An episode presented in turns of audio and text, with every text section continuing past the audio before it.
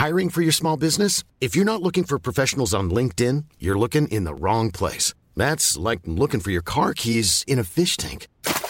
LinkedIn helps you hire professionals you can't find anywhere else, even those who aren't actively searching for a new job but might be open to the perfect role. In a given month, over 70% of LinkedIn users don't even visit other leading job sites. So start looking in the right place. With LinkedIn, you can hire professionals like a professional. Post your free job on linkedin.com slash people today.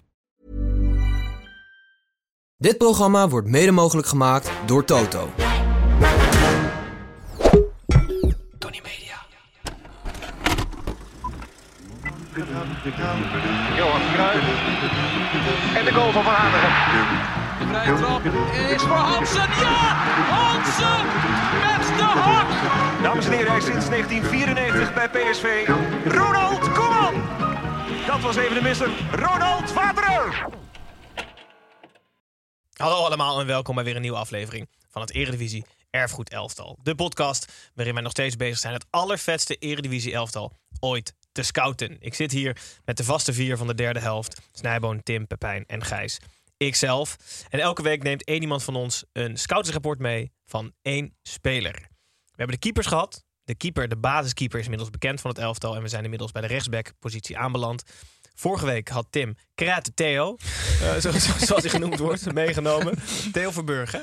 Theo van den Berg. Van de Burg, sorry. El Canario. Voor de, voor de rechtsback-positie. Dus gaat dat luisteren, die aflevering. Geweldig. Als je dat niet geluisterd hebt. En deze week heb ik de eer om de volgende rechtsback eh, gescout te hebben en aan jullie voor te stellen. En uiteindelijk, na vier rechtsbacks, is het weer aan de luisteraars en volgers om te bepalen welke van de vier een plek in de basis van het Eredivisie Erfgoed Elftal verdient.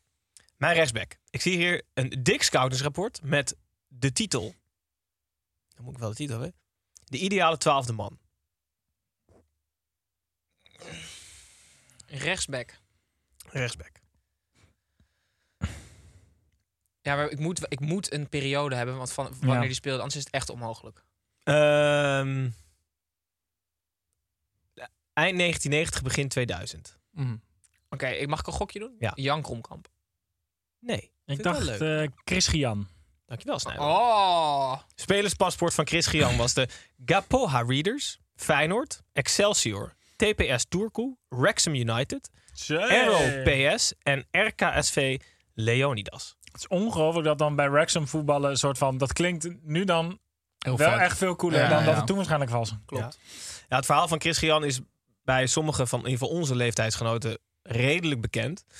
Maar toch is er toch wel echt wel een paar anekdotes die ik niet voor, aan mij voorbij kon laten gaan zonder aan hem te denken en het in het scoutsrapport op te schrijven en het mee te nemen. Het heeft een tamelijk triest einde, maar daar kom ik straks bij. Het verhaal van Chris Gian begint namelijk op zijn zeventiende, als hij vanuit Ghana naar Nederland gehaald wordt. Hij komt onder contract te staan bij Feyenoord en wordt eerst een half jaar verhuurd aan Excelsior. Maar na een half jaar, Don Leo, Leo Beenakker, zal later een belangrijke rol spelen in het leven van Chris Gian, ziet het ontzettend in hem zitten en haalt hem terug van Excelsior naar Feyenoord. Daar wordt hij misschien wel door een aantal mensen gezegd grootste publiekslieveling ooit.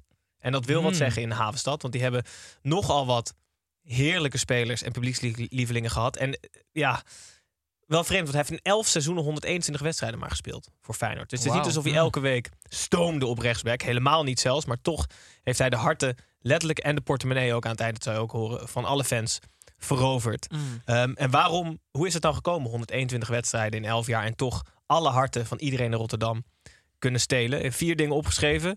Eh Gian was, net als het legioen natuurlijk, de ideale twaalfde man. De titel van het scoutingsrapport. Hij kon altijd en overal ingezet worden.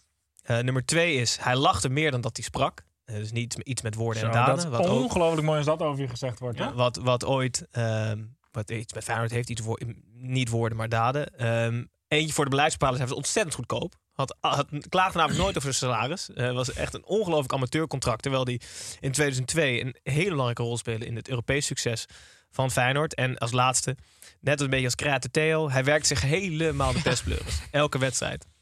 Persoonlijk herinner ik mij een wedstrijd dat hij met ongeveer twee gescheurde wenkbrauwen eh, aan de zijkant Oh, zat. Ja, de allergrootste ja. tulband ooit. De Dat is echt allergrootste tulband ooit, ja. en nog geen twee minuten later gaat hij weer een kopduel aan. Het kon hem gewoon niet schelen. Ja, Eh, hij liet zich ongeveer mummificeren nadat, nadat, hij, nadat hij die twee gescheurde wenkbrauwen had. Maar Chris Gian... Even kraten, Gian. Ja, Kruijten, Gian, geweldig, eh, geweldig mens. Eh, en een geweld, dat, dat zal de rest van zijn leven ook onderstrepen. En wat iedereen over hem zegt, is dat het een van de meest aparte mensen is die ze ooit ontmoet hebben. Dus los van de bovenstaande eigenschappen ehm, hielp Christian onverwacht om de UEFA Cup te winnen in 2002. Hij was namelijk de ideale twaalfde man, maar Brad Emerton, ons niet onbekend, was Ja, ja. geschorst voor de finale. Die heb ik trouwens nog eh, op mijn scoutinglijst ges- Oh ja? eventjes kort gehad. Oké. Eh, maar Christian mocht dus in de basis beginnen van de finale van de UEFA Cup in Rotterdam zelf. Tegen Feyenoord- Dortmund, toch? Tegen Dortmund, waar. Feyenoord uiteindelijk de prijs binnensleepte. Maar na de winst in de UEFA Cup was hoogtepunt in Giants voetballeven. Ging het snel bergafwaarts. Om te beginnen sportief. Het wil niet lukken in Finland en Wales. Dus bij Wrexham zijn fysiek laat, net als vaker eh, tijdens zijn carrière, echt te wensen over. Hij heeft ontzettend veel blessures gehad. Ehm, en uiteindelijk eindigde hij bij de amateurs van Leonidas in de hoofdklasse toen nog. En ook daar eh, hing hij uiteindelijk de kiksen aan de wilgen en is hij helemaal gestopt. En eigenlijk, nu gaan we echt bergafwaarts, begint hierna pas de echt ellende voor Gian en zijn familie. Zijn zoontje wordt ernstig ziek. Eh Gian raakt al zijn geld kwijt. Hij heeft namelijk weggegeven aan iedereen die in zijn ogen het geld beter kon gebruiken dan hijzelf. En dat was letterlijk iedereen. Dus uiteindelijk hadden mensen ook door dat je bij Chris kon aankloppen. Mm. Chris Gian voor geld en hij gaf het aan je. Eh, dus hij had geen rode cent. Hij kon de zorg voor zijn zoontje niet meer betalen. Ehm, dus uiteindelijk heeft hij ook steun gekregen van mensen om zich heen en het legioen. Dit is de eerste eh, keer dat het legioen van Feyenoord geld inzamelde voor Chris Gian. Ehm, en uiteindelijk werkloos, komt terug uit Nederland vanuit Finland en Wrexham. Hij had niet eens het idee dat je een pensioen aan kon vragen. Hij kende het begrip niet. Dus hij kwam hier in Nederland. Hij dacht, ik heb geen werk, dan ga ik ook maar niks doen. Dan heb ik recht op niks. Dus hij had geen inkomsten en geen geld. Toen heeft Leo Beenakker ehm, via eh, een spreekwoordelijke vriend van Feyenoord... uiteindelijk een baantje in de haven bezorgd. Ja, ja, ja. Is hij weer in de haven van Rotterdam gaan werken tussen de fans die hem in 2002, eh, tien jaar eerder, gewoon naar Heel de UEFA Cup hebben geschreeuwd. Ehm, en toen sloeg het persoonlijk fysieke lot toe. Dus zijn zoontje was ernstig ziek, maar Christian kreeg toevallen. Soms werd hij bewusteloos gevonden tussen de containers in de haven. Eh, dat hij gewoon een toeval kreeg en letterlijk wegviel. En uiteindelijk werd hij gediagnosticeerd met kanker. Ehm, toen is er nogmaals geld ingezameld door het legioen voor Chris Gian. En heeft ook Michel van Egmond een boek over hem geschreven. Eh, en toen heeft Feyenoord het ook van haar beste kant laten zien... door te zeggen, jongens, wij verkopen het boek via al onze kanalen... en we gaan er geen cent aan verdienen. Maar alles gaat naar Gian Mm. en zijn familie. ehm, van alle opbrengsten van het boek. En op 29 december 2021, op 43-jarige leeftijd, overlijdt Christian uiteindelijk aan de gevolgen van de ziekte. En omdat de familie de uitvaart niet kan bekostigen en Gian schulden had, kwam ook hier weer het legioen in actie. En die binnen no time hebben ze 147.000 euro bij elkaar gegeven aan de familie. En kon Gian onder toezien van honderden Feyenoorders en fakkels uiteindelijk een mooie laatste eer bewezen worden. Want ze konden niet voor zijn afscheid ehm, betalen. When you're ready to pop the question, the last thing you want to do is second guess the ring. At Bluenile.com, you can design a one of a kind ring with the ease and convenience of shopping online. Choose your diamond and setting. When you find the one, you'll get it delivered right to your door. Go to Bluenile.com and use promo code LISTEN to get $50 off your purchase of $500 or more. That's code LISTEN at Bluenile.com for $50 off your purchase. Bluenile.com code LISTEN. Super verdrietig einde van een waanzinnige cultheld. Maar ik kan jullie niet drie heerlijke anekdotes over Chris Gian eh, in goede tijden onthouden. Namelijk de eerste van Paul Bosveld. Paul Bosveld was bij de boekpresentatie en er werd heel eh, obligaat gevraagd door journalisten Paul... Wat was je favoriete van Chris Gian? Dus was, hij was altijd goed lachs, hij was altijd vrolijk. Hij zei, het leukste wat ik aan Chris vond is dat hij spijkerhard verdedigde op de training op Peter van Vossen. En Peter van Vossen die kon helemaal niks hebben. En Chris wist dat, Chris Gian. Dus die ging als een idioot, als een bezeten met twee gestrekte benen op de Peter van enkels. Vos is mijn oud trainer. Vind ik het leukste wat er is om te horen. Dat hij hard. Peter van Vossen. Het tweede is, Chris Gian... Ja, men zegt dat er geen, gelovig, geen geloviger man bestond dan Chris Gian. Het bekende beeld is altijd Ja, het kruis voor de wedstrijd en de twee armen omhoog. Nou wil het Nee, zelfs dat zo... hij zo met zijn armen zo bre- breed Ja, naar nou, boven, zo ja, met zijn nou, ogen breed naar boven. Altijd bidden voor de wedstrijd. En één keer was het zelfs zo dat de tweede helft begon veel te laat. Want ze misten een, een elfde veldspeler. Want Christian was nog op de wc aan het bidden. Hij was nog niet klaar, dus het was vijf minuten te laat begonnen dat Chris op de wc nog aan het bidden was. En dat laatste is, en het omschrijft alleen maar de vrijgevigheid en eh, het karakter van Chris Gian. Zijn vrouw was op vakantie. Ehm, en ze keerde terug na een week of twee in het huis. En ze doet de deur open en ze ziet vier onbekende mannen zitten in de woonkamer. Eh, en uiteindelijk vond ze Chris terug ergens achter in het huis. En ze zei, Chris, wie zijn deze jongens? Zei die. Het zijn mensen uitgaan die klopten aan bij me. En eh, ja, ze hadden geen huis, dus ik heb ze gewoon binnen gelaten. En ze wonen nu bij ons. dus zonder het me- medeweten van zijn vrouw heeft hij vier mannen binnengelaten die Oh. geen huis hadden. Omdat Chris vond dat je alles moest delen De, Echt, echt een soort moderne Jezus, die man. echt een moderne Jezus. Maar ik, dit is heel lastig. Wat? Ja. Want ik wil de, stemming van de, van de luisteraars bijna overrulen... dat Christian gewoon onze rechtsback moet worden. nee, dat kan Nee, niet. ja, Nee, nee, ja, nee. nee, nee. Ik vind het juist een klein beetje. Ik wil niet advocaat van de duivel spelen. Nee. Maar ik vind zo'n case meenemen. terwijl we gewoon lekker met z'n vier aan het scouten zijn. vind ik zelfs een beetje bezwaardig van ik ook. Nou, kom niet in de buurt bij Theo. Maar ja, de Theo, eh, dat maakt een goede kans. Nee, ik vind wel maar echt, ik vind het een, een, een behalve- goedkope poging. Ja, dat, is- dat is zeker waar. Behalve, de, dit, Ik heb namelijk weer een nazi. behalve dit ontzettend mooie verhaal en, en de geweldige persoonlijkheid van Chris Gian... heeft hij het WK onder 17 gewonnen in 1995 met Ghana.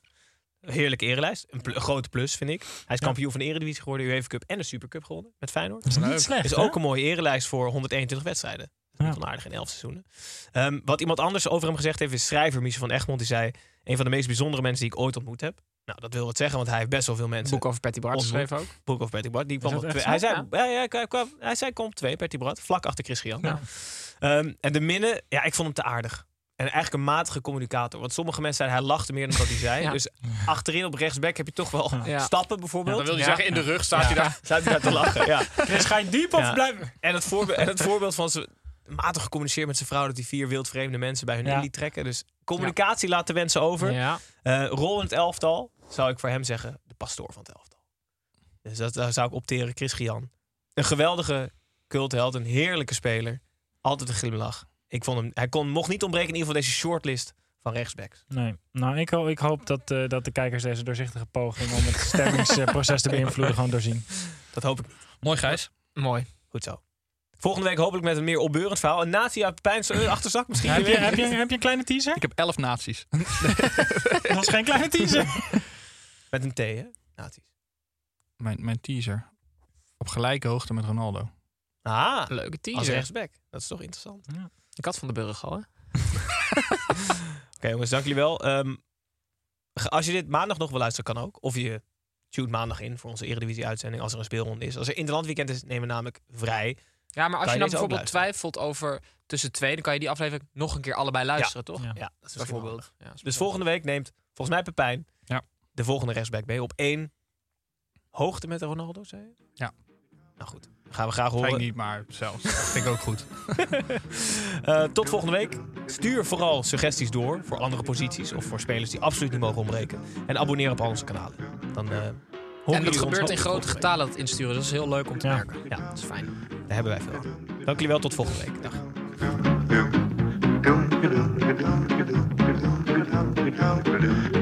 Ba-dum-ba-dum-ba-dum.